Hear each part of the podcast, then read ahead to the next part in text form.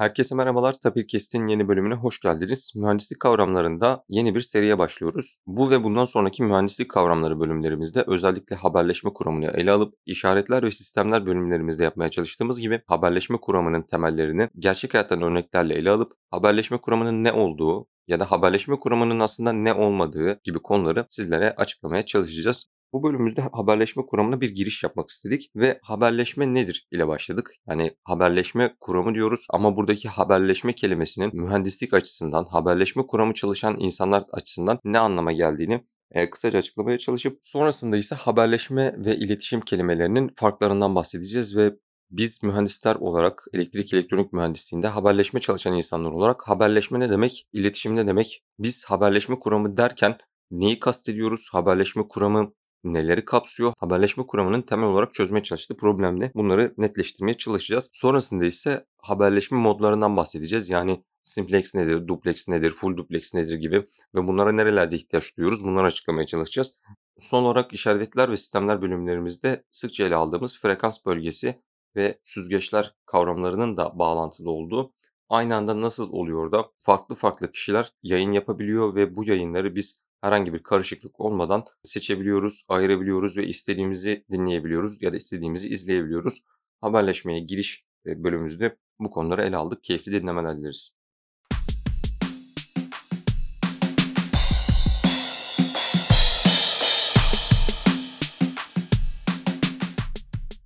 Serhan Hocam hoş geldiniz. Hoş bulduk Halil. Hocam mühendislik kavramları serisinde işaretler ve sistemler serimizle aslında plan üzerine ilerliyorduk ve artık ileri konulara geldiğimizde haberleşmeye ve elektrik elektronik mühendisliğinin bizim daha fazla ilgilendiğimiz kısımlar olan analog haberleşme, sayısal haberleşme gibi bilgi kuramı, kodlama gibi alt dallara ayrılacağımızdan bahsettik. Zaten işaretler ve sistemlerde kodlamaya da değinmiştik. Analog to digital converter'larda kodlamanın neler olduğuna değinmiştik.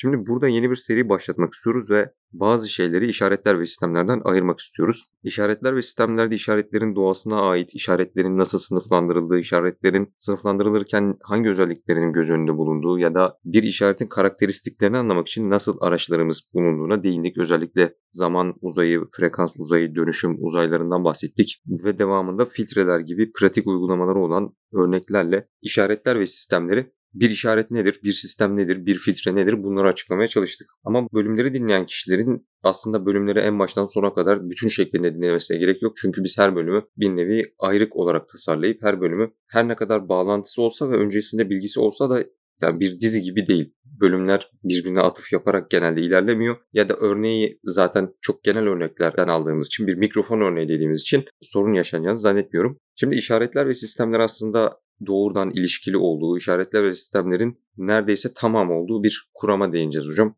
Haberleşme kuramı diyeceğiz bu serimizin ismine ve haberleşmeye bir giriş yapacağız.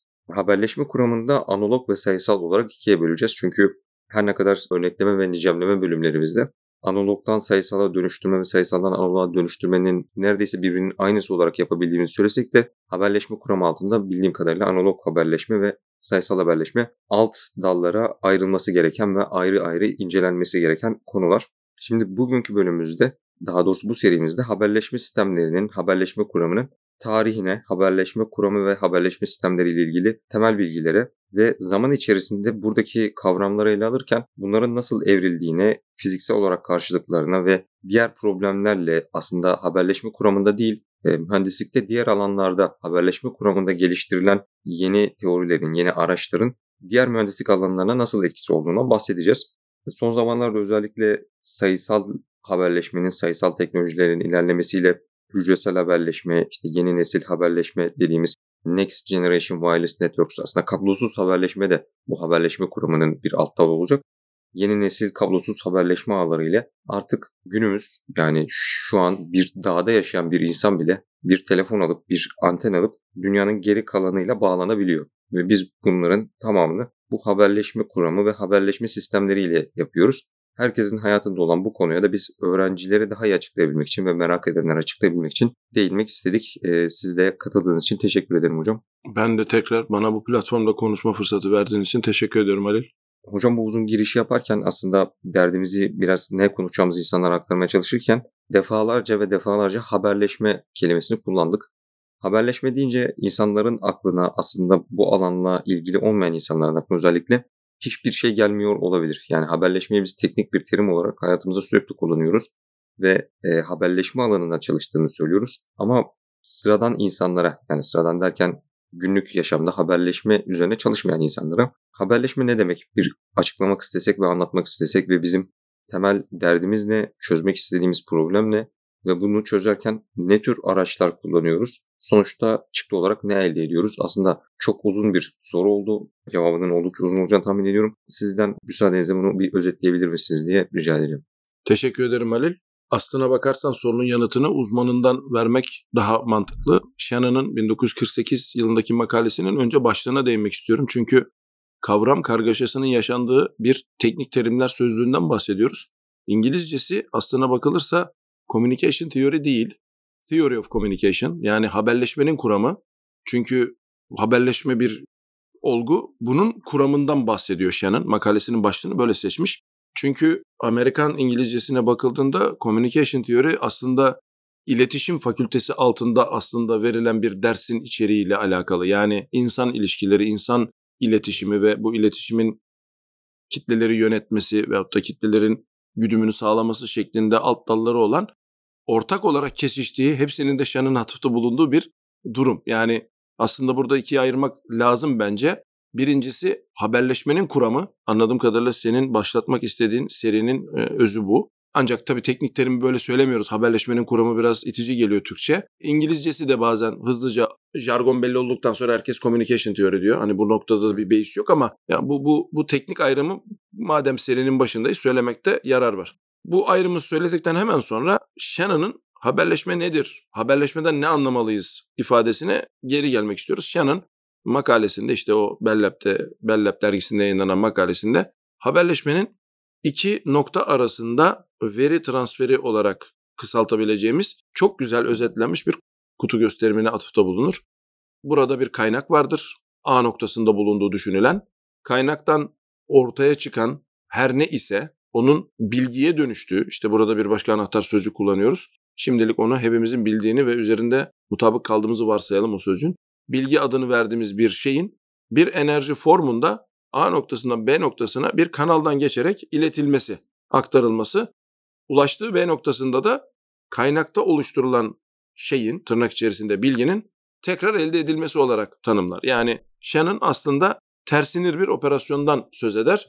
Bunu A noktası ve B noktası arasında yapabildiğimiz bütün sistemlerin haberleşme sistemi ya da burada böyle bir şey varsa haberleşme sistemleri, haberleşme kuramı altında incelenebilecek durumlar olduğunu söyler.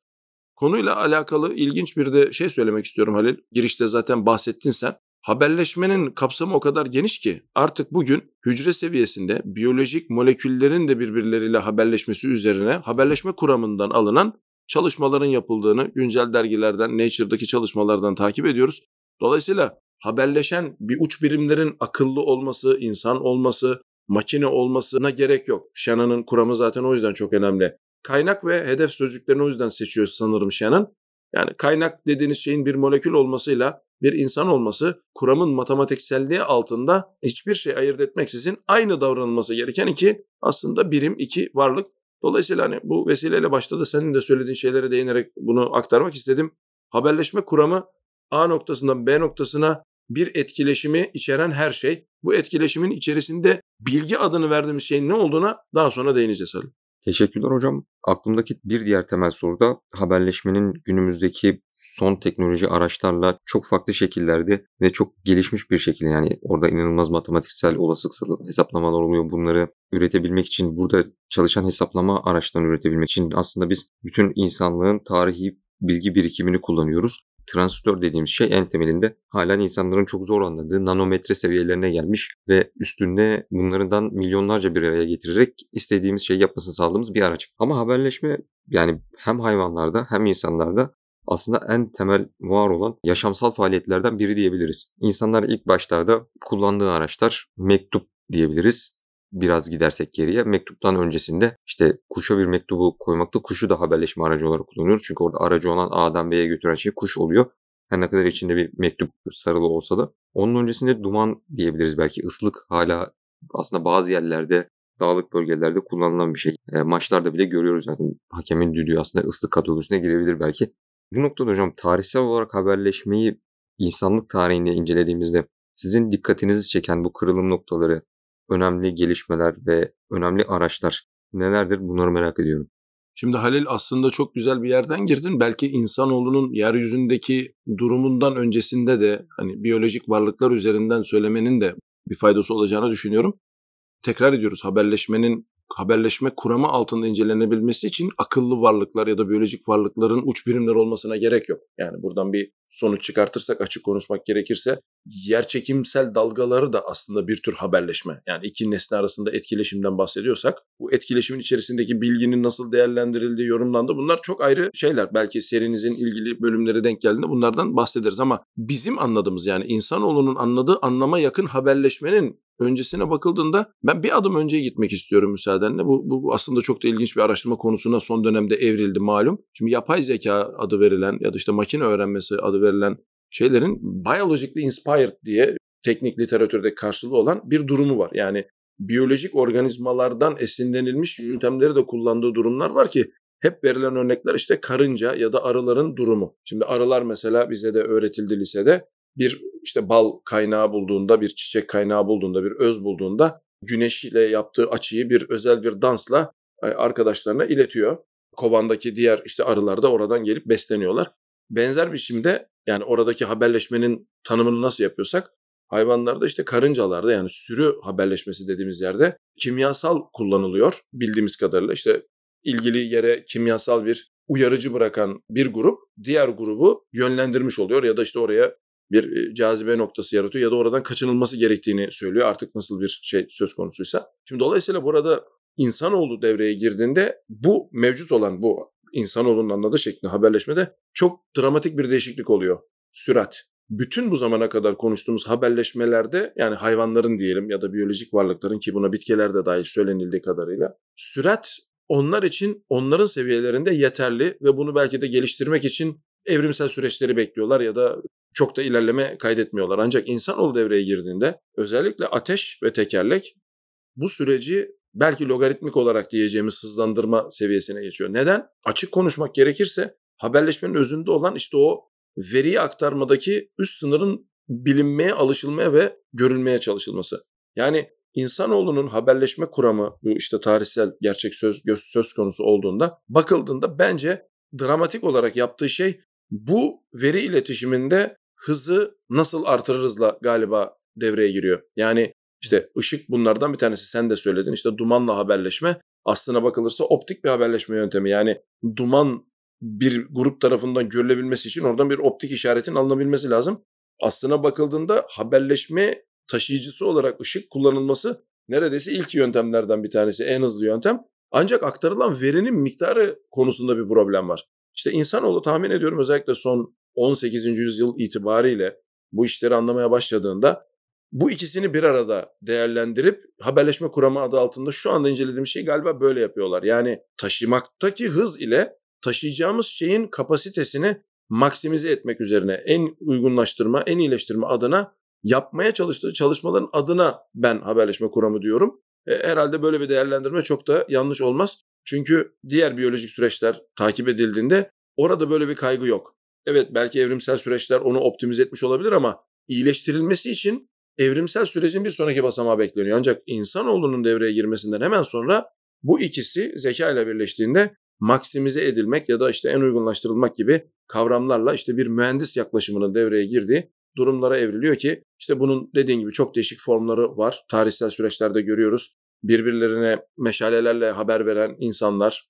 işte kalenin duvarına meşaleyi yakıp yakmaması orada bir savaş olup ya da tehlike olup olmadığı anlamına geliyor. Son döneme kadar da kullanılan semaforlar yani uçakların kalkış anında oradaki başka sistemleri de düşünerek e, hala bayrakların çeşitli pozisyonları üzerinden haberleşme, özellikle bazı durumlar söz konusu olduğunda işaret dili kullanma. Yani görüldüğü üzere insanoğlunun devreye girmesinde haberleşmenin yönteminden ziyade hızı ve taşıdığı şeyin kapasitesiyle alakalı yaptığı dramatik değişiklik sanırım haberleşme kuramına en büyük katkısı diyebilirim Ali. Teşekkürler hocam. Şimdi bir haberleşme olayını incelediğimizde aslında sizin de bölümün girişinde bahsetmiş olduğunuz iletişim ve haberleşme arasındaki temel farklardan biri diyebilirim. Benim de abim iletişim fakültesi mezunudur. Şenen'in kuramını pek anlamadığını, anlamsız bulduğunu söylemiştir her zaman.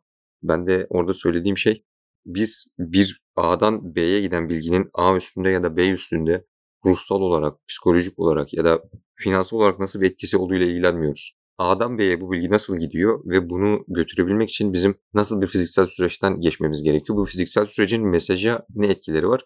Bununla ilgileniyoruz. Tamamen teknik bir kısımdan bakıyoruz ve tek derdimiz A'daki mesela kaynağın içindeki bilginin nasıl dağıldığı ile ilgileniyoruz. Ama bilginin anlamsal olarak ne ifade ettiği elektrik elektronik mühendisliği açısından pek önem arz etmiyor. Yani biz içinde eğer 500 tane A harfi geçiyorsa bizim için 500 tane A harfidir ve iletilmesi gerekiyorsa iletilir. Onun başına gelenle 500 kelimeli, 500 harflik mesela bir savaş bildirisinin elektrik elektronik mühendisliği açısından etkisi aynıdır. Sadece kanalda başına neler geliyor bunlara araştırmamız, bir şekilde A'dan B'ye taşımamız gerekiyor. Aslında bunu açıklarken bu görüşe katılıyor musunuz hocam? Yani iletişimcilerin ve haberleşmecilerin aslında temel olarak farkının bu olduğunu söyleyebilir miyiz? Kesinlikle hatta ben bir ek de yapmak istiyorum. Elektrik, elektronik alt alanlarında da bu ayrım var. Dikkat ederseniz haberleşme sözcüğü biraz fütursuzca kullanılıyor ama haberleşme dediğimizde iletim, iletişim ve haberleşmenin Türkçeleri böyleyse ayrılması gerekiyor. Çünkü haberleşebilmek için iletim yapıyor olmanız lazım ama iletim sözcüğünün ne anlama geldiğini bir haberleşmeciye sorduğunuzda çok umursamaz. Ancak güç çalışan bir arkadaşımız, bir araştırmacımız onda da iki nokta arasında giden bilginin önemi yoktur. Onun iletilmesiyle ilgili bir derdi vardır. Dolayısıyla bu sözcükler belki etimolojik olarak ve günlük anlamsal bağlantıları düşünüldüğünde birbirlerine çok yakın hatta bazen fütursuzca kullandığımızda birbirlerinin yerine bile kullandığımız oluyor ama matematiksel açıdan değerlendirildiğinde bunların çok farklı anlamları var. Elektronik alt alanında bile bu ayrımı var. Senin de dediğin gibi ben de konuşmamın başında söyledim. İletişim kuramcılarının haberleşme kuramından anladıkları onların dediğin gibi mesajın içeriğinin uyandırdığı etki. Bizler ise mesajın B noktasına aktarıldıktan sonra nasıl bir etki uyandırdığından ziyade mesajın B noktasına aktarılıp aktarılmadığıyla ilgilenen kişileriz. Dolayısıyla kesinlikle katılıyorum Ali.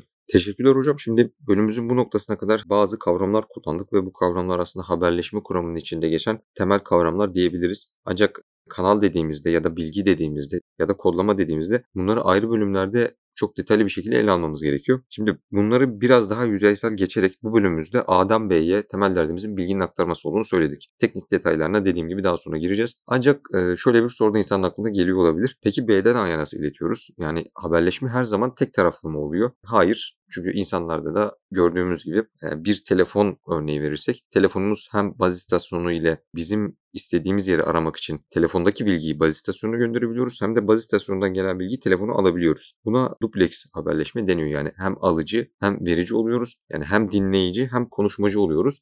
Bunun alt kategorileri de var. Full duplex dediğimizde bir telefon bir yandan bir mesaj gönderebilirken aynı zamanda alabiliyor. Mesela insanlar için bu çok zor bir şey diye düşünüyorum. Bir insan konuşurken aynı zamanda dinleyemez muhtemelen. Yapanlar var bu arada da ben de onlardan biri değilim Ali.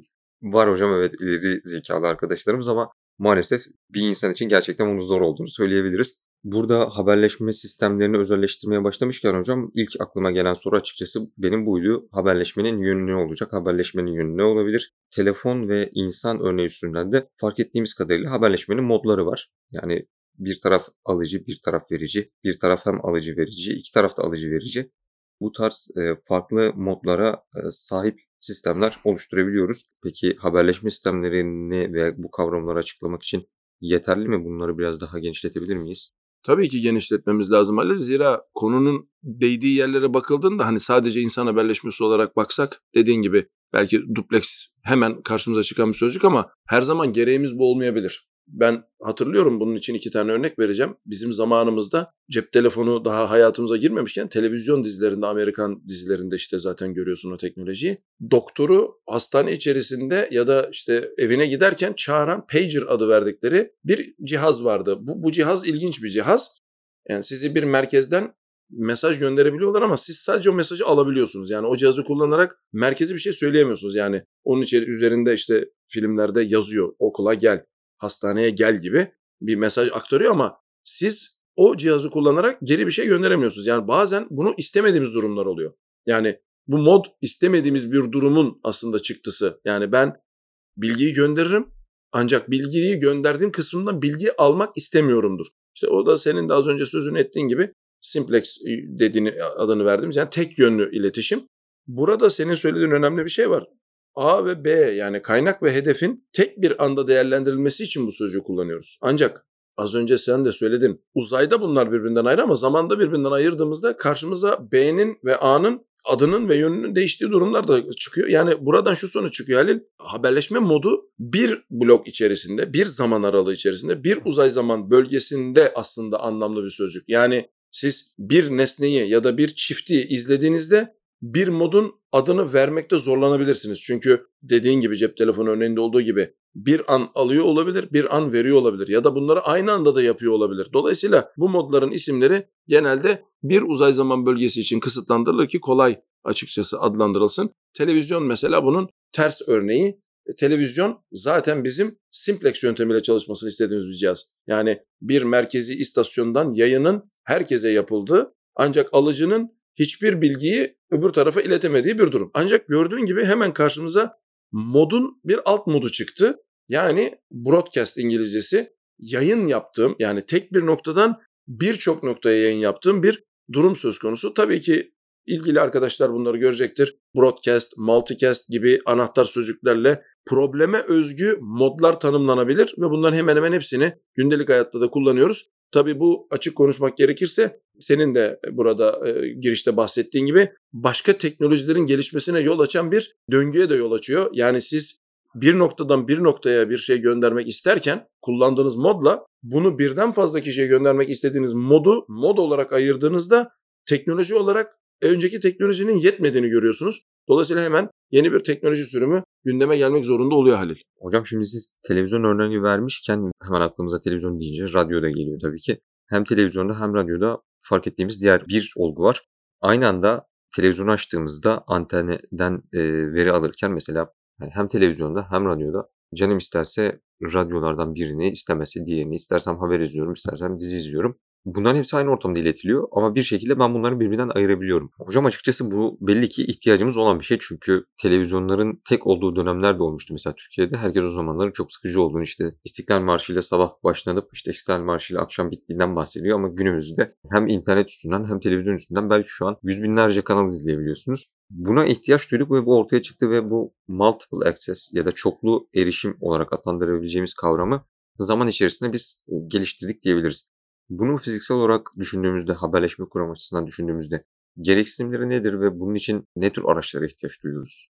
Şimdi ters soruyla ilerleyelim bence Halil. Çoklu erişim neden önemli? Belki oradan başlamak lazım. Senin dediğin gibi yani bunu bir eğlence kültürü içerisinde değerlendirdiğimizde dediğiniz gibi yani içeriğin birden fazla ya istediğim içeriğe erişmek istiyorum ki hatta internet bunu biraz daha üst segmente çıkardı bence yani radyoda evet erişim var ama adamın söylediğini dinlemek zorundayım ben o aralıkta. Yani kafama göre bir şey dinleyemiyorum ama internet öyle değil. Yazıyorsunuz kafanıza göre olanı dinliyorsunuz. O ayrı bir tartışma. Ona geri alma yok, ileri sarma yok. Sarma yok. Çok değişik dediğin gibi yani Hani biz insan haberleşmesini işin içine soktuğumuzda o yüzden farklı teknolojilere ihtiyaç duyuyoruz. Diğer biyolojik nesnelerde olmayan. Ya çünkü bizim isteklerimiz çok farklı. Ona uygun teknolojilerde haliyle farklı oluyor.